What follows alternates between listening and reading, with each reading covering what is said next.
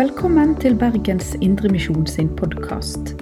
For mer informasjon om oss, besøk oss på betlehem.no, eller finn oss på Facebook og Instagram der som Bergens Indremisjon.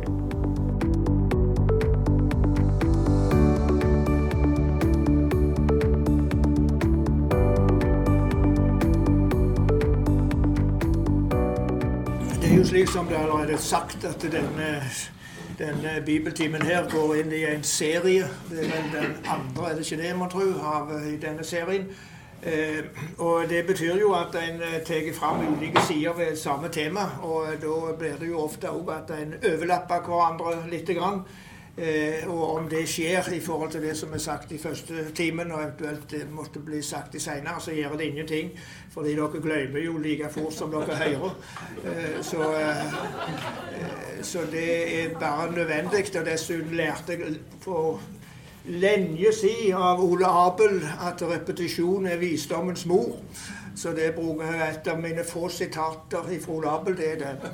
Og han har lært av en eller annen filosof fra Grekenland, tenker jeg. Um, så slik er det, er det, nå. Og samtidig så vil jeg jo si at det at en setter opp en, en bibeltimeserie med dette temaet som er knyttet rundt Guds bud, er veldig flott og nødvendig. Fordi det er veldig sjelden altså at vi velger tekster sjøl, vi som preker når vi velger fritt, og at vi velger å tale om, om Guds bud. Eh, og heller ikke så mye på oppsette tekster, slik som eh, søndagstekstene. Eh, for min del så er det slik at jeg underviser på, i Spania, på Centro Sarepta, om de ti bud. Det fungerer som, eller det er den etikkundervisning vi har der nede på Centro Sarepta. Det er å gå gjennom de ti bud. og det gjorde jeg nå straks før jul. Da var det forresten en, en eldre kar, passert 80 år. Han kom og fulgte de timene spesielt. For han hadde aldri sett han eller aldri hørt om mannen før. Han hadde vært i oljebransjen nokså høyt, forsto jeg oppe. Og det syntes han å få gjennomgått de ti bud, det måtte være spennende. Så han kom eh, ekstra på de, de, de timene der. Så, så, vi må liksom få det oppsett for oss på et eller annet vis om vi skal ta tak i dette. Eh, og Samtidig så er det både en sentral del av Bibelen, og som refererte enda til bekjennelsesskriftene, har jo disse ting med. Det synes jo mange har glemt, rett nok, men det er nå står nå der.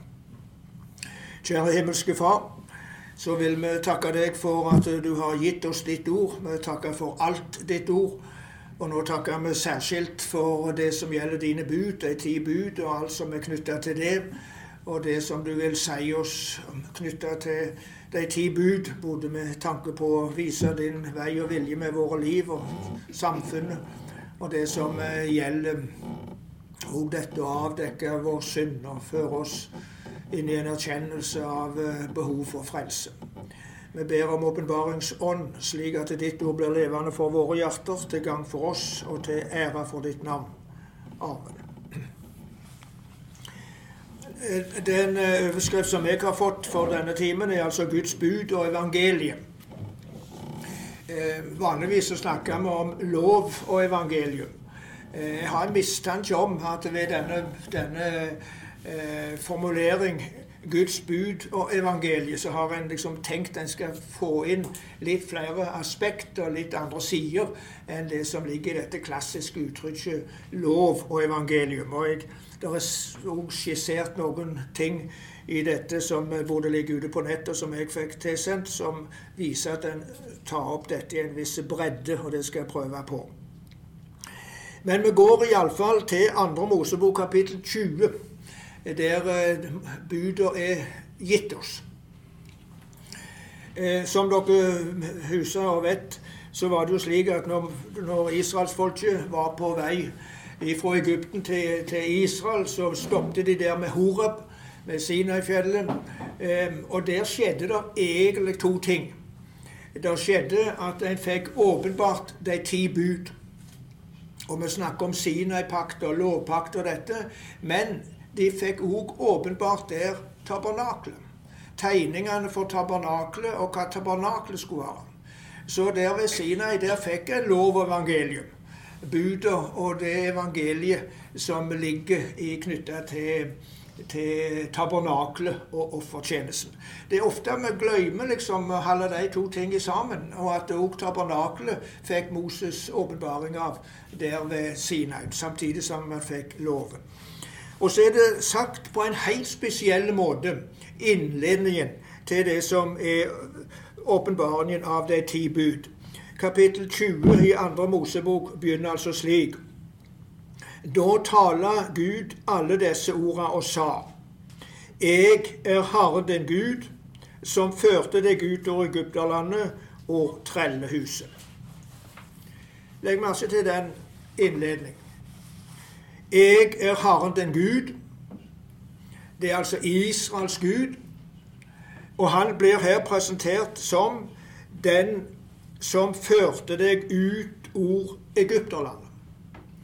Altså han blir presentert knytta til en frelseshandling. Den store frelseshandling i Det gamle testamentet, utgangen av Egypt. Det er det som er bakgrunnen for og basis for de ti bud.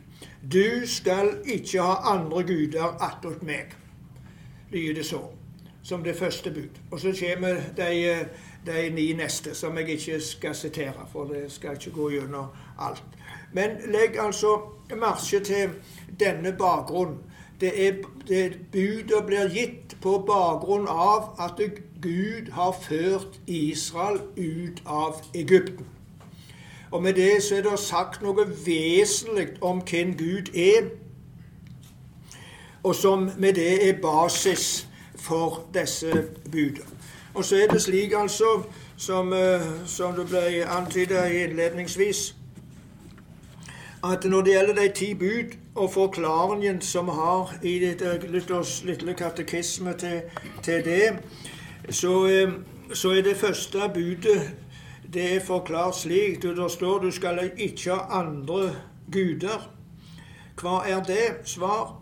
Vi skal over alle ting ottast elske og lite på Gud. Det er forklaringen. Det å ikke ha andre guder, det er å ottast elske og lite på Gud. Og det er over alle ting. Og så er det denne kjente formulering som Luther så bruker når han skal forklare de neste budene. Så bruker han denne forklaringen til det første bud for å forklare de andre. Vi tar bare med det andre budet. Du skal ikke misbruke din Guds navn. Hva er det? Vi skal ottast og elske Gud så vi ikke bruker navnet hans til å banne, Sverige osv. Altså Utgangspunktet for å forståelse av de, de, de ti bud er det første bud. Vi skal elske og ottast Gud slik at vi lever etter de ni neste. Altså, det vil si at disse ti bud, de ni der, de står ikke bare som, som liksom enkeltbud. Men de står som bud som forklarer og henger i hop med det første bud. Så hopper vi til femte Mosebok.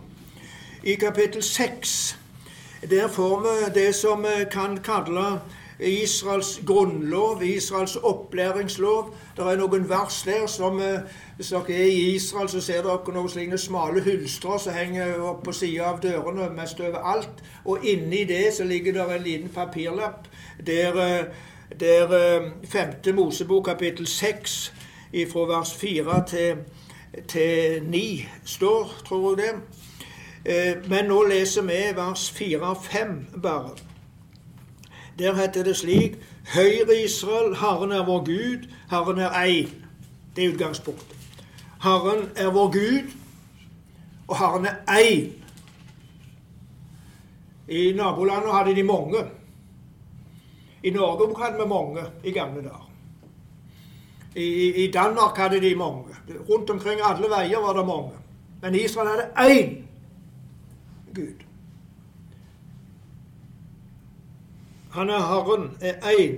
Og du skal elske Herren din Gud av hele ditt hjerte og av hele din sjel og av all din makt. Hvis vi begynner å tenke etter hva her står om å elske, så er det egentlig litt andre typer begrep som er knytta til å elske, enn det vi ofte gjerne tenker. Iallfall når en elsker som i forelskelse, så er det jo uh, mye følelser. Og det er det forhåpentligvis gjennom hele ekteskapet. Mye følelser. Det er en del av å elske.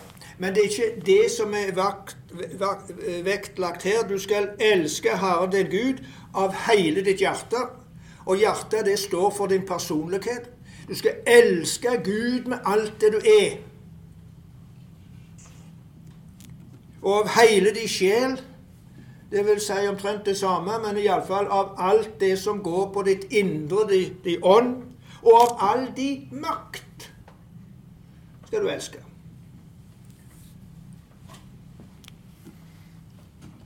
Altså, en skal sette alt inn på dette.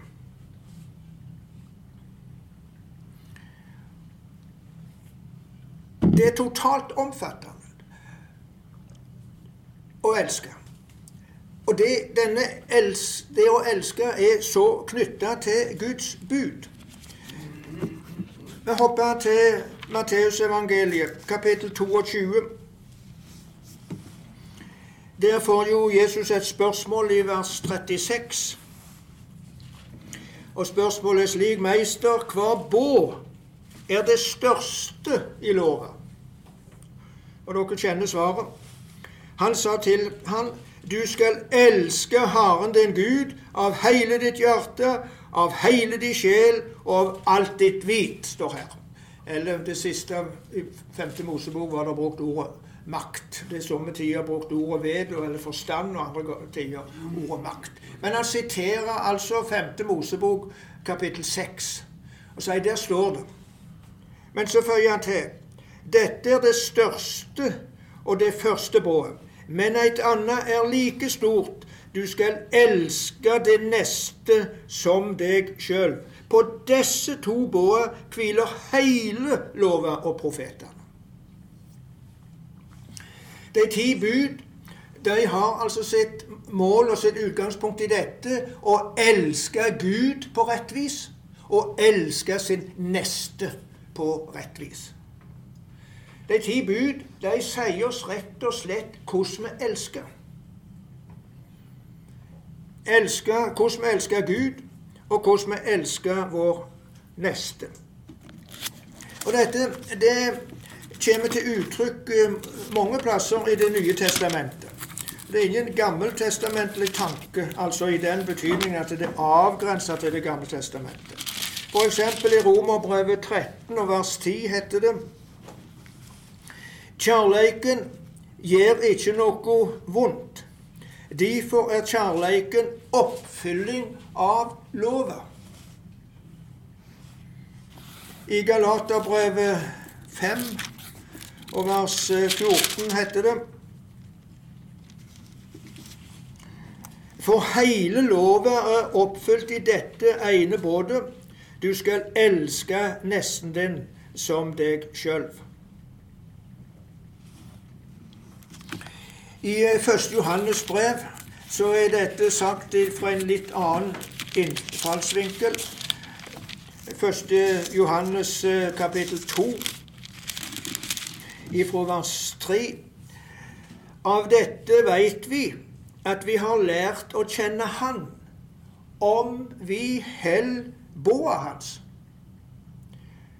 Den som sier 'jeg kjenner Han', og ikke held båa Hans, han er en lugner, og sanning er ikke i han. Men den som held ordet hans, i han har sannelig kjærleiken til Gud blitt fullkommen. Av dette veit vi at vi er i Han. Den som sier seg å være i Han, han er òg skyldig å ferdast slik som han ferdast. Og det var altså i samsvar med de ti bud Jesus ferdast. Altså, her er det sagt dette å kjenne Gud, det er å holde Hans bud.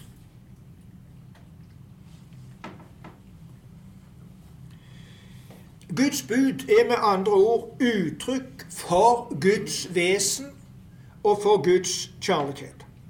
Og derfor er disse ti bud forpliktende for oss, og de er gode for oss. Fordi vi er forplikta på Guds vesen. Derfor er vi forplikta på, Gud, på budet. Og de er gode fordi de er uttrykk for Guds kjærlighet.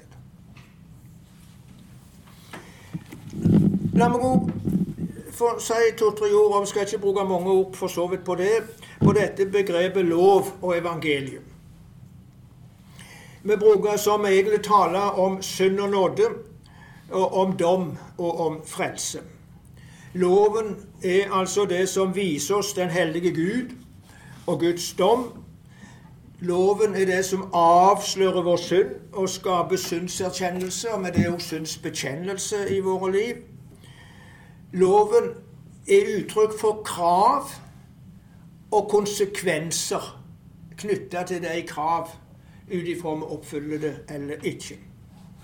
Loven peker på oss, på meg og mitt liv ut ifra med lys ifra Guds hellighet.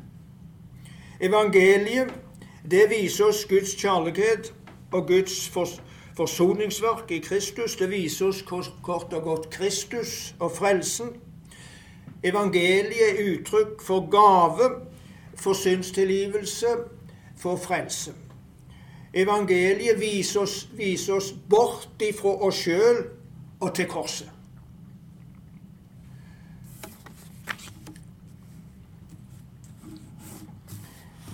Og i denne settingen så betyr altså Guds bud mye.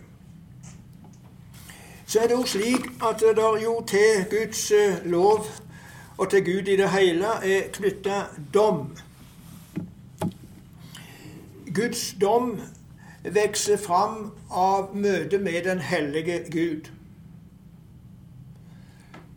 Vi står ikke for den hellige Gud reine så det blir dom. Og med tanke på loven, så taler vi jo om lovens tre bruk. Det første bruk er jo som veiledning i samfunnet. Det andre del av loven, det er det at loven avslører vår synd. Eh, Tuktemesterfunksjon, som vi gjerne sier. Den åndelige funksjon. Og den tredje funksjonen til loven er å veilede oss som kristne. Og etter mine begreper så hører formaningene inn under det. Men når vi snakker om lov og evangelium, så er det primært den andlovens andre bruk vi mener. Altså det som avslører vår synd. Og med det skal drive oss til selve evangeliet, til frelse. Og det er lovens andre bruk som da står i forhold til Guds dom. Lovens, Guds dom kommer til uttrykk ved lovens andre bruk som avdekker vår synd og viser at vi ikke står, regner, står oss for Gud slik som vi skulle. Så er det et element som kanskje vi for så vidt kan komme tilbake som dere vil i samtalen, men som vi bare nevner ganske kort. Og det er historisk sett helt fram til den tid jeg ble født. Og det er ikke så veldig lenge siden, selv om jeg har passert 70. Så var det slik at en regna krig og kriser som uttrykk for Guds dom. Og som uttrykk for Guds straff. For at han ved det skulle vekke folk og kalle folk, og folk skulle komme til erkjennelse og søke ham. Jeg holder på å lese ei forferdelig tjukk og tung bok av Hans Bringeland, professor på NLA. Eh, jeg har aldri lest noen så arbeidskrevende bok som den boka. Og han skrev om Hallesby sin eh, teologi og etikk. Og Hallesby var voldsomt sterkt opptatt med at det, krig, ulykker, kriser var en måte som Gud arbeidet på. Og det var uttrykk for Guds dom for å vekke straffende dom og, og tukt for å vekke folk. Og det var ikke Hallesby alene om. Det mente alle i kristne, og iallfall alle i ledende posisjoner under andre verdenskrig. Alle biskopene, alle prestene, alle frikirkeledere, alle predikanter. Nils Lavik skrev nyttårs, som da var formann i, i Indremisjonsforbundet. Han skrev den nyttårsepistel i Sambåndet, da første nummer i 1940. altså Da var jo krigen begynt i Tyskland-Polen, men ikke kommet til Norge. Og da skriver han nå, nå betaler Gud ut dom eller straff over syndene. Og i takke, takkegudstjenesten, som ble holdt i samtlige kirker i 1945, i juni, der er det i ei av bønnene et, et setning som går på dette om at hvordan Gud nå har straffa og tukta, og så ber de om at det må ha sin virkning. Og så er det en professor på MF, Torleif Austad, som er spesialist på dette med krigen. Og han skriver den formuleringen og den tankegang som Hallesby hadde. Og Hallesby, som også satt på Grini under krigen, og var en av de fremste lederne, han sa han hadde problem med å be om at, om at krigen måtte ta slutt. Fordi han syntes folk i så liten grad hadde latt seg tukte. Og så skriver Austad, når han gjengir denne her formuleringen fra ritualet for, for, for takkegudstjenesten Det var ingen diskusjon om denne formuleringen. Alle var enige. Og nå, hvis noen nå har jo prøvd med noen ganger å antyde dette her, og da tror han jo at en hører til Det gamle testamentet og en annen religion, nærmest, enn en slik som var den vanlige oppfatning og lenge etter krigen, altså. Men nå er, er, er, er dette mest vekke. Men det er noe der, altså. Og det betyr ikke at den som det rammer, er spesielt skyldig. Det er ikke slik å forstå at nå rammer krigen Ukraina fordi ukrainerne er spesielt syndige. Men det er et uttrykk for at nå er det blitt slik i Europa at Gud må, må gjøre noe for å vekke folk. Det er omtrent det samme som med sykdom. Når noen blir rammet av sykdom, så er det ikke fordi at denne som ble rammet, er spesielt syndige. Men det er et uttrykk for at sykdommen hører til i syndefallets verden, og den skal også være med og vekke oss. Det siste punktet i Guds dom er jo den evige fortapelsesdom, som Bibelen taler om. Når det gjelder så evangel lovens og evangeliets gjerning, så skal jeg ta litt knytta til det. Selv om det blir kortfatta, for det er noe mer jeg må ha sagt ifølge temaet. Eh, men vi går iallfall til Romerbrevet kapittel 3. Der kommer dette nokså greit fram, egentlig, fra vers 19 til vers 25 i Romerbrevet 3. Men vi veit at alt det lova sier, det taler hun til de som er under lova. Så hver munn skal verte attlaten, og hele verda verte skyldig for Gud. Det er i kortform loven, de ti buds oppgave i, i, i betydning lov. Men nå har Guds, Guds rettferd, som lova profetene vitner om, blitt åpenbara uten lova. Det er Guds rettferd ved tro på Jesus Kristus til alle og over alle som tror. For det er ingen skille. Alle har synda og står uten ære for Gud. Og de ble rettferdiggjorte ufortjent av Hans nåde ved utløsninga i Kristus Jesus. Han stilte Gud fram i blodet hans som en nådestol ved trua for å syne fram sin rettferd, siden han i sitt langmot hadde båret over med de syndene som før var gjorde. Her er det altså i kortform dette. Loven den virker til synserkjennelse, og at vi står med en lukka eh, munn for Gud, erkjenner dommeren sin dom og med det ser at det må gjøres noe annet. Det er ikke en kjøtt som blir rettferdiggjort ved lovgjerninger, står det. En lovgjerning, det er ikke dette at du gjør det de ti bud sier. Det skal du altså gjøre. En lovgjerning er en gjerning som du gjør for å oppnå noe innenfor Gud. En lovgjerning er egentlig et, et, et betalingsmiddel. Noe som du bruker for å kjøpe deg velsignelse hos Gud på et eller annet vis. Altså Det er utgangspunktet i dette at vi vil gjøre oss fortjent til noe ut ifra oss sjøl. Det er en lovgjerning. Og på det vis så oppnår vi ingenting. Fordi at eh, samme hvordan vi måtte prøve, så er vårt kjøtt av en slik karakter at det, det, er ikke mulig å komme utenom å utøve sitt eget kjøtt. Det som var umulig, står det i, i Romerbrevet 8, pga. menneskets natur. Det var det Gud gjorde. Det var altså noe som var umulig for loven pga. menneskets natur. Og Somme tider jeg bruker å sammenligne det med at du tenker deg dette at det var umulig. At du har en svær heisekran med en voldsom krok, så du senker ned i ei bøtte med vann, eller ei tønne må du gjerne ha for å få kroken nedi. Ei tønne med vann og skal heise vannet opp. Alle vet hvordan det går. Kroken kommer opp tom. To-tre dråper på, de renner av med en gang. Hvorfor? Ikke fordi det var noe gale med kroken, men det var ikke hold i vannet til å bli løfta. Slik er det ikke hold i vårt gamle menneske, vår natur, vårt kjøtt, til å gjøre gjerninger som kan løfte oss til himmel. Lovgjerninger er umulig. Derimot så er det altså snakk om at Gud gjør noe uten loven. Det vil si, Gud gjør det sjøl.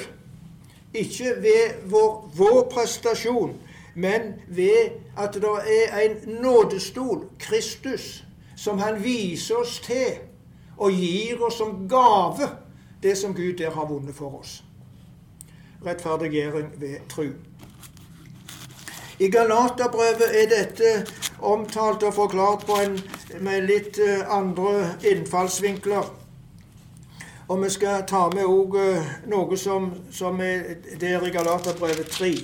Og Der er det et vers som gikk opp for meg for en god del år siden. Og jeg var oppe i, oppe i Trøndelag og preikte i Bangdal. Der er det ei litt spesiell forsamling. så en for å få lov til å prege der, så må du ikke være tilsatt i noen organisasjon. Og det var ikke jeg på den tida. Jeg var i, eh, i, i dagen eh, og, eh, og fikk prege. Og da hadde jeg et tema om, om noe om disse ting med, med Luthers kristendom. Og så han møtelederen, han etter talen, så, så gjorde han oppmerksom på et vers her som jeg nok hadde lest men ikke hadde fått fram betydningen av. Og han gjorde det ikke som noen korreksjon, men jeg opplevde det som et profetisk innslag der og da, der han fikk fram noe som jeg egentlig aldri sjøl har klart å få fram eh, på det viset som han der gjorde. Jeg mener det var profetisk tale. Og Nå skal dere tenke gjennom når jeg leser hva vers dette her er.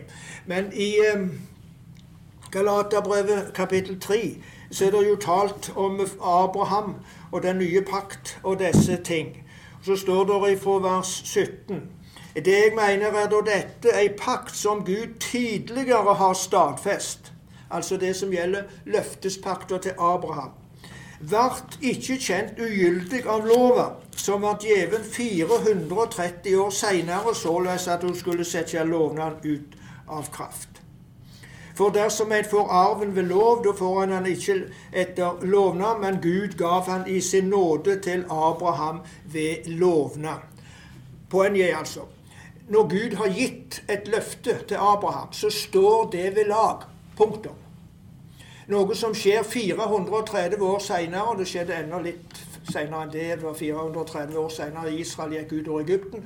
Så så, så, kan ikke dette som da skjer ved Sinai og lovpakta, et uttrykk for at den forrige pakt blir avløst, satt til sides. Det er heller ikke uttrykk for at det kommer en pakt på sida av den gamle, slik at nå har du to pakter. Men hør videre.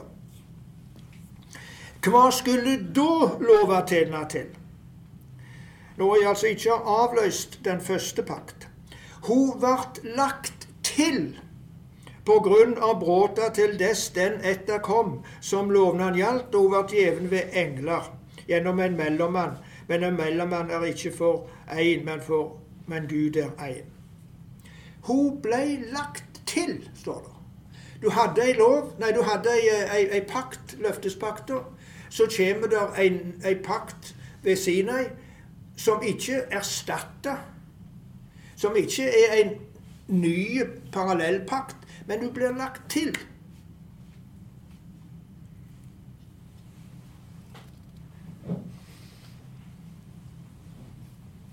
Og det er på grunn av bråter, står det. Dvs. Si på grunn av syndene. Er da lova imot Guds lovner? Langt ifra.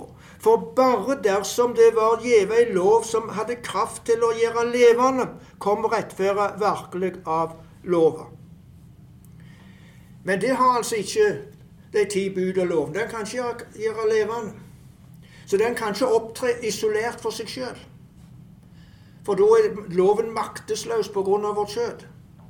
Derfor må loven alltid fungere opp imot løftet, evangeliet, Abrahamspakta.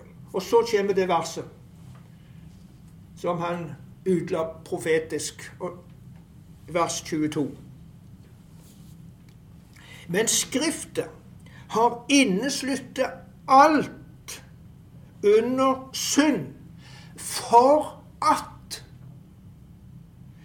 de som tror ved trua på Jesus Kristus, skulle få det som var lova. Det høres jo fryktelig negativt ut at Gud har lagt alt inn under synd. Og vi liker ikke å høre om, om det der greiene der.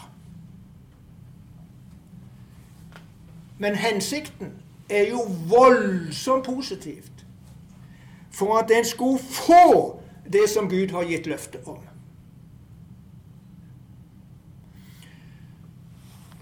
Det vil si Det som løftet var gitt for, det som er knytta til Abrahamspakta, det mottok ikke folk fordi de så ikke behov for det. Men så kom Gud og la i pakt, lovpakter til for at folket skulle få se sin synd og sitt syndefordarv, slik at de innså jeg må få. Og jeg må få det ved det Jesus har gjort.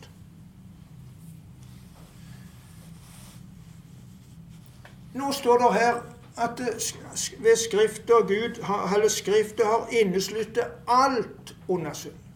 Problemet for deg og meg, og det var noe av det han fikk fram, han der karen oppe i Bangdal, det er at sjøl om Skriftet har innesluttet alt under synd, så er det ikke slik i vårt eget erkjennelsesliv.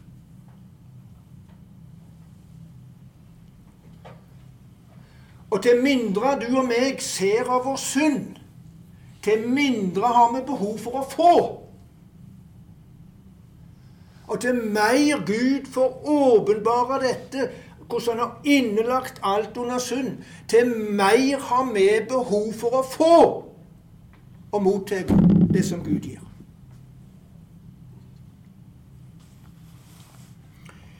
Men før trua kom, ble vi halden i varetekt under lova, innestengte til dess den trua som skulle komme, ble åpenbara.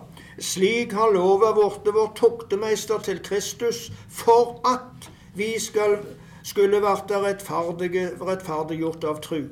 Men nå, når trua er kommet, er vi ikke lenger under tuktemeister. Det er da alle Guds barn ved trua på Kristus Jesus. For det som så mange som er døypte til Kristus, har ikledte Kristus. Her er ikke jøde eller greker, her er ikke trell eller fri, her er ikke mann og kvinne, for det er alle én i Kristus. Og hører det Kristus til, da er det Abrahams ett og arvinger etter løftet. Og det var det som det var det poenget. For alle Guds løfter ligger i løftet til Abraham. Og så sies det tidligere, rett før det som vi nå leser, at dette løftet som var gitt til Abraham, gjaldt Kristus og bare han. Og så blir det her utvidet til samtidig å gjelde alle de som tror på Kristus. Fordi i Han er løftet oppfylt. Evangeliet.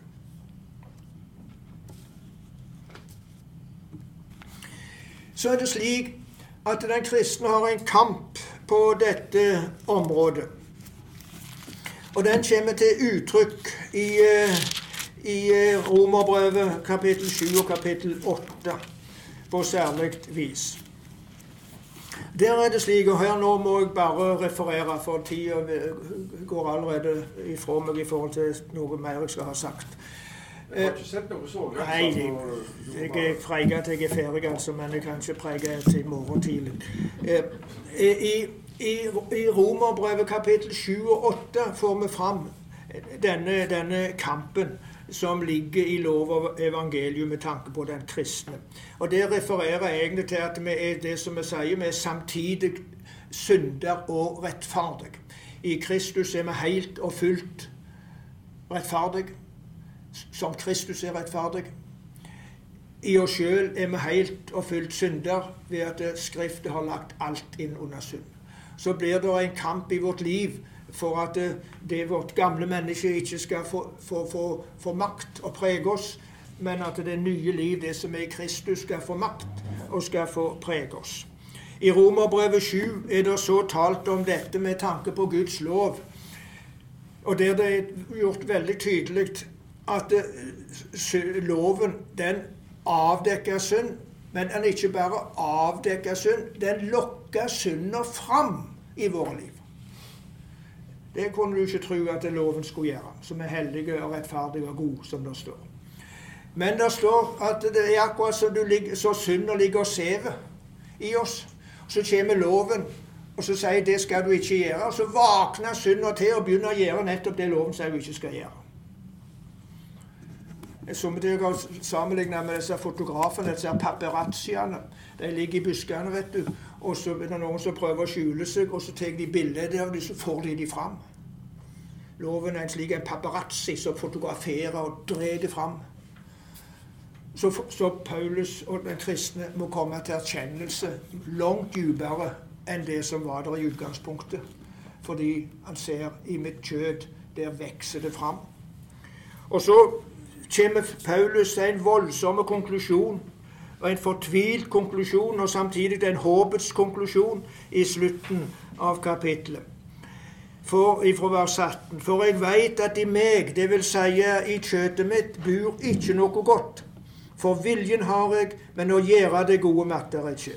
Det gode som jeg vil, det gjør jeg ikke. Men det vonde som jeg ikke vil, det gjør jeg. Men gjør jeg det som jeg ikke vil, da er det ikke lenger jeg som gjør det, men synda som bor i meg. Jeg finner altså den lova for meg, jeg som vil gjøre det gode, at det vonde ligger meg for handa. For etter mitt indre menneske sier jeg med glede ja til Guds lov.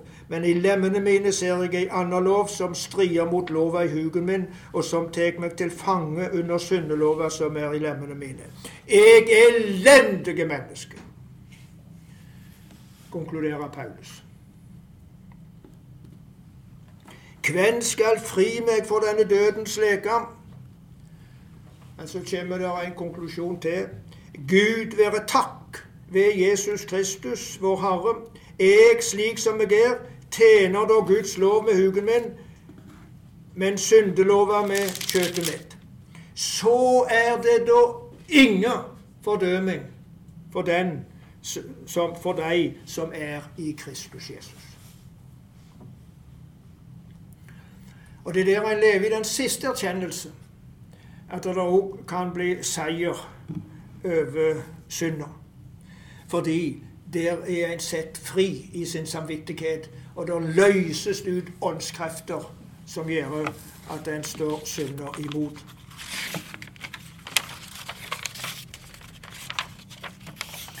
Så var det i dette temaet satt opp noe å se framover med tanke på Guds bud. Guds bud og utviklingen i tida og fram imot endetida. Og hva vi eventuelt nå kan lære av det. Og det er sagt en god del i Det nye testamentet som refererer til, til, til Guds bud sin plass og funksjon, eller måten de er satt til sides på i det ut gjennom etter hvert i tida og fram imot Jesu gjenkomst. Et av de mest tydelige avsnitt her er fra 2. Tessalonikerbrev, kapittel 2. Der heter det fra vers 3 La ingen, la ingen lure dykk på noe vis. Først må frafallet komme, og syndemennesket, som altså antikrist, blir åpenbare fortapingssonen. Han er den som står imot, og som opphøyer seg over alt som kalles Gud eller helligdom. Så han setter seg i Guds tempel og gir seg sjøl ut for å være Gud. Minnes det ikke at jeg sa dette til dere mens jeg ennå var hjå dere. Og nå veit jeg hva det er, det som held att, slik at det skal slik at han skal åpenbares først når tida er omme. Nei, tida er inne. For løgndommen i lovløysa er alt verksom bare at han som nå helt att, må verte rydd unna. Da skal den lovløse åpenbares, han som Herren Jesus skal ødelegge med sin pust fra munnen sin og gjøre til inkjes når hans atterkomme blir åpenbar i herligdom. Den lovløse kjem etter Satans verksom med stor makt i lugn og teiken og under. Det går føre seg med all slags urettferd, urettferd i forføring mellom de som går fortapt, av de de ikke tok imot kjærleik til sanninga, så de kunne verta frelste. Derfor sender Gud dem kraftig villfaring, så de trur løgna. Et voldsomt sterkt ut, utsagn og avsnitt. Altså, Det vil være en karakterisering av det som skjer fram imot Jesu hjemkomst og endetid og Antikrist, som er, det, det, som altså er karakterisert med lovløse.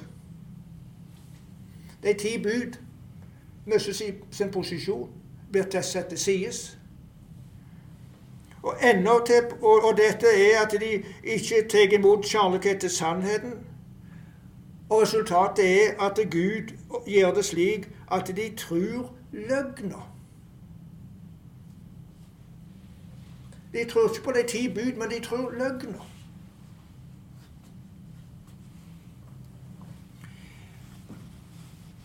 Dette er jo sagt med tanke på fram imot Antikrist. Men selve prinsippet i det gjelder jo alltid. Det vil alltid være mer eller mindre tendens til lovløse. Til dette at de ti bud blir satt til side. Og etter mine begreper så har jeg ingen annen forklaring på den situasjonen som er inne, i, den, inne i, i, vårt land og i Vesten i det hele nå, med tanke på all den den, den for, forvirring og forføring av vranglære som er med tanke på kjønn og samliv. At det er dette en har forlatt kjærligheten til sannheten, og Gud har latt folk tro løgner. For at det er jo, det er jo naturstridig mye.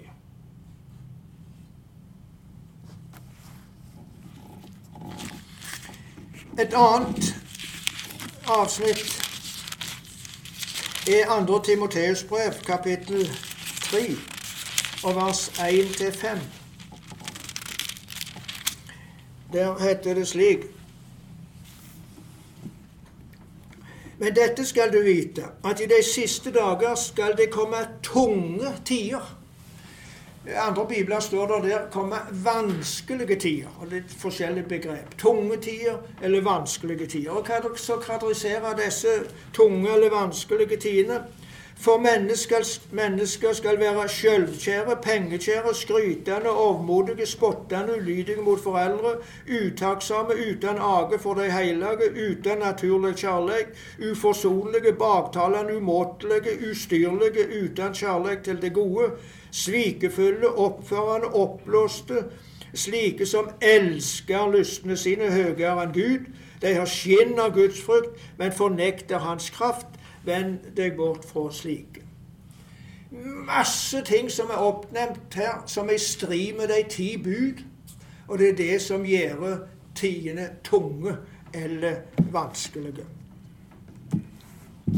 Hadde vi hatt tid, så kunne vi gått gjennom dette mye mer med tanke på endetida. Og sitt, når, det- i kapittel 12 i åpenbaringsboka uh, er sagt at djevel blir kasta ned på jorda, og for så at han i kapittel 13 kaller fram Antikrist, som i kapittel 17 får utfolde seg, og som vi leser om dommen over i kapittel 18. Og særlig når du leser dommen over det antikrist, antikristelige riket, kapittel 18, så ser du den umoral som, som er det karakteristiske. Så ser du hvordan Guds bud ikke har hatt innflytelse og makt, men det stikker imot. Så her skjer det ei veldig negativ utvikling. Og samtidig er det jo slik at evangeliet er alltid det samme. Om det så kommer en engel, sier Paulus, og vil forkynne noe annet, så skal vi avvise det. Jesus i år og i dag og til evig tid den samme. Så det er noe fast midt oppi det hele. To ting til med tanke på Guds bud i, i framtida. Etter mine begreper så er det altså slik at etter det antikristelige riket så framstår tusenårsriket. Og dette riket vil være et spesielt rike. Fortsatt er mennesket på jorda med sitt kjød, det syndige mennesket, som er preget av syndefallet, som er på jorda òg i tusenårsriket. Det har ikke skjedd noen endring med mennesket. Men Satan er bonden. Det må jo bety noe. Og så er det omtalt at Jesus på særskilt vis i lag med sine hellige regjerer fra himmel. Har en ekstra sterk innflytelse, synes det å være. Og det synes å gi gode kår for Guds vilje og for misjon i denne perioden. Og jeg tror noen av disse profetene, profetiske ord fra Det gamle testamentet, f.eks. fra Myka 4,2, er, er, mynta på denne tid. Og der det står om at lovlære skal gå ut fra Sion. Det var altså en periode med lovløse. Men så vil det òg være en periode med lovlære, der de ti bud, Guds lov, på særlig vis på nytt får utvolde seg og få makt. Og så kommer vi til sist inn på den nye jord. Hva med de ti da? På den nye jord, den er prega av er fullkomment prega av Guds vesen. Og de ti bud der gir uttrykk for Guds vesen og Guds kjærlighet. Den nye, om den nye jord heter det med tanke på brura, eller den nye Jerusalem, som vet, Det er merkelig der i Åpenbaringsboka kapittel 21, fordi selve brura, Guds folk, og selve den nye jord, som er omtalt som en by, blir liksom beskrevet under ett. Slik at det vil si at, at Guds folk er ett med det som er på den nye jord. Om den, om den nye Jerusalem heter det 'Han hadde Guds herligdom'. Det vil si alt på den nye jord er prega av Guds vesen.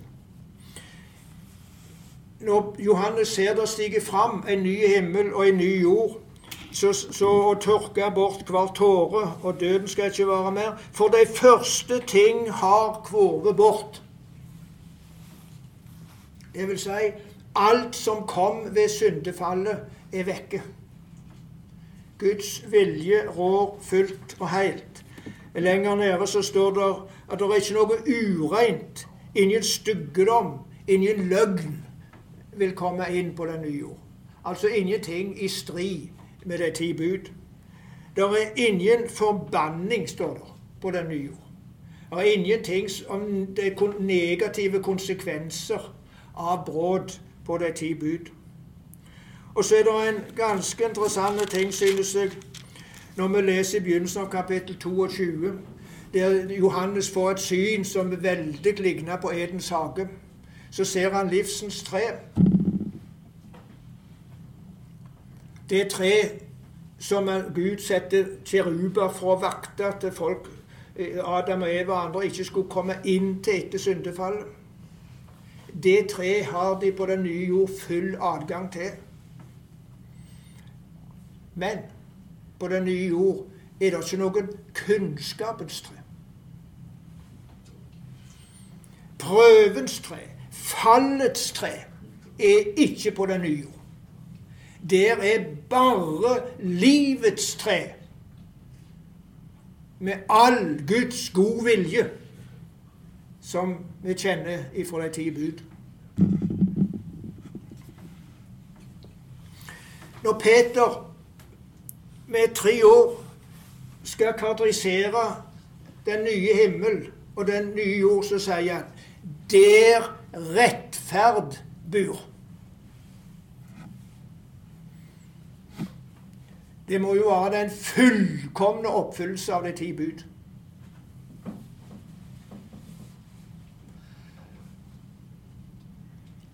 Og så sier Paulus i dette oppstandelseskapitlet i 1. Korinterbrev 15 at til sist så skal alt bli lagt inn under Gud. Og så heter det at Gud skal være alt i alle. Det vil si, Guds vesen vil prege oss. Og da er altså de ti bud et uttrykk for Guds vesen. Og når Gud så skal være alt i alle, så vil Guds lov, de ti bud, rå og bli oppfylt til det fullkomne på den nye jord, og i deg og meg. Du har lytta til Bergens Indremisjon sin podkast. For mer informasjon om oss, besøk oss på betlehem.no, eller finn oss på Facebook og Instagram der som Bergens Indremisjon.